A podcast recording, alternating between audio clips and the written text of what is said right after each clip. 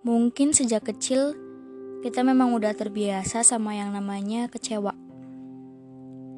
Misal nggak dibolehin beli mainan, dijanjikan liburan tapi nggak pernah ditepati, balon yang kita genggam tiba-tiba meletus atau terbang, mainan kesukaan kita yang rusak dan hilang, es krim yang jatuh dari genggaman, permen yang jatuh padahal belum sempat dimakan, dan masih banyak lagi. Tapi kecewanya anak kecil mungkin masih mudah diobati. Dihibur sedikit aja udah bisa ketawa lagi. Udah bisa main lagi sama temen-temennya. Udah berapa kali sih kita pernah dikecewakan? Mungkin udah gak bisa dihitung kali ya. Mungkin sebagian udah lupa sama yang bikin kita gak kecewa. Tapi masih inget gak sesuatu dalam hidup kamu yang rasanya paling mengecewakan? Apa itu karena kegagalan, kehilangan, atau kesedihan yang mendalam? Seseorang dalam hidup aku pernah bilang, "Nanti, kalau keadaan gak sesuai sama apa yang kamu harapkan, jangan mudah kecewa ya." Gitu katanya. Kata orang, kecewa itu tumbuh dari harapan yang gak sesuai sama ekspektasi kita. Kecewa itu tumbuh dari harapan kita yang terlalu melambung tinggi.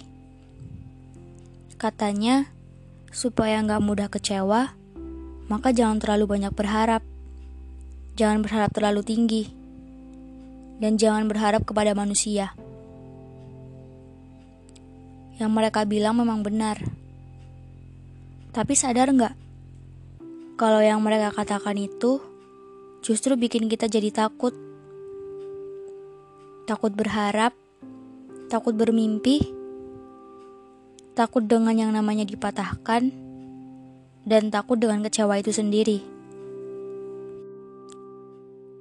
Ketika kita curhat kenapa kita kecewa, jawaban mereka pasti, "Oh, mungkin kamunya aja yang terlalu banyak berharap.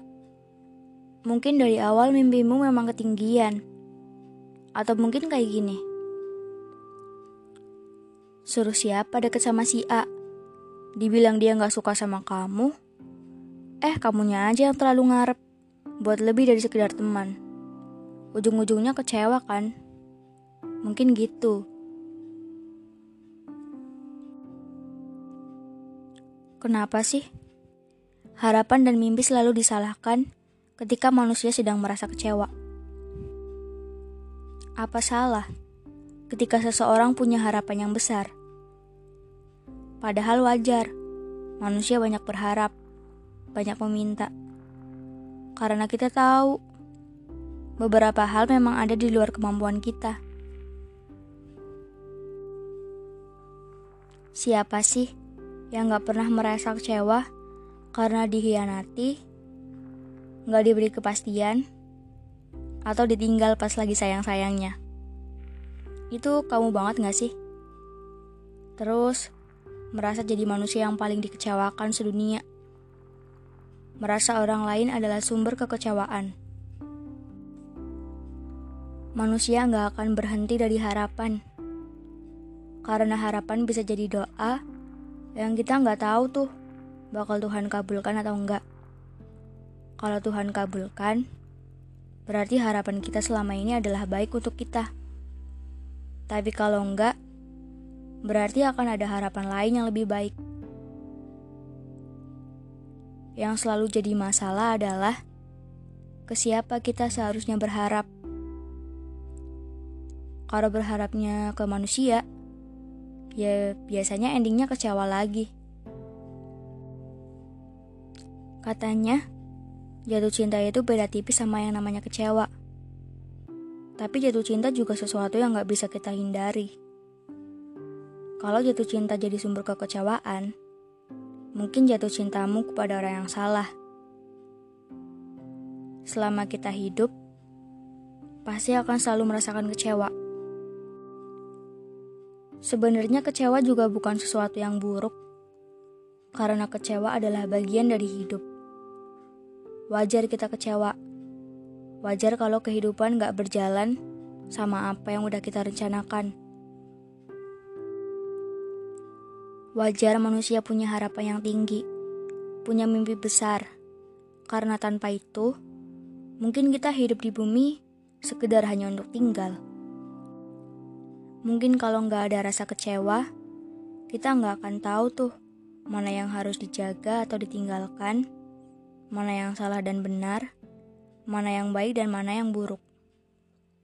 Nggak apa-apa kecewa, nggak apa-apa harus menerima rasa sakit dulu. Nggak apa-apa harus dipatahkan dulu hati dan harapannya. Karena mungkin sesuatu yang bikin kita kecewa adalah hal yang memang gak baik buat kita. Setelah dikecewakan, nanti kita juga akan sadar, akan lebih hati-hati lagi, akan lebih pintar menaruh harapan. Di balik kecewa yang Tuhan beri, pasti ada kado indah yang menanti. Apa pun itu bentuk kekecewaan kamu, apa pun itu yang jadi sumber kekecewaan kamu, tolong jadikan itu pupuk untuk kamu tumbuh dewasa. Tumbuh dari rasa kecewa memang gak enak, memang gak mudah. Apa pun yang udah bikin kamu kecewa, maafin aja. Bener-bener dimaafin aja. Jangan terlalu lama memendam rasa kecewa itu sendiri. Bangkit, karena setelah kecewa, kamu akan jadi sosok yang lebih kuat. Dalam hidup, kita memang akan selalu tumbuh dan sembuh dari rasa kecewa.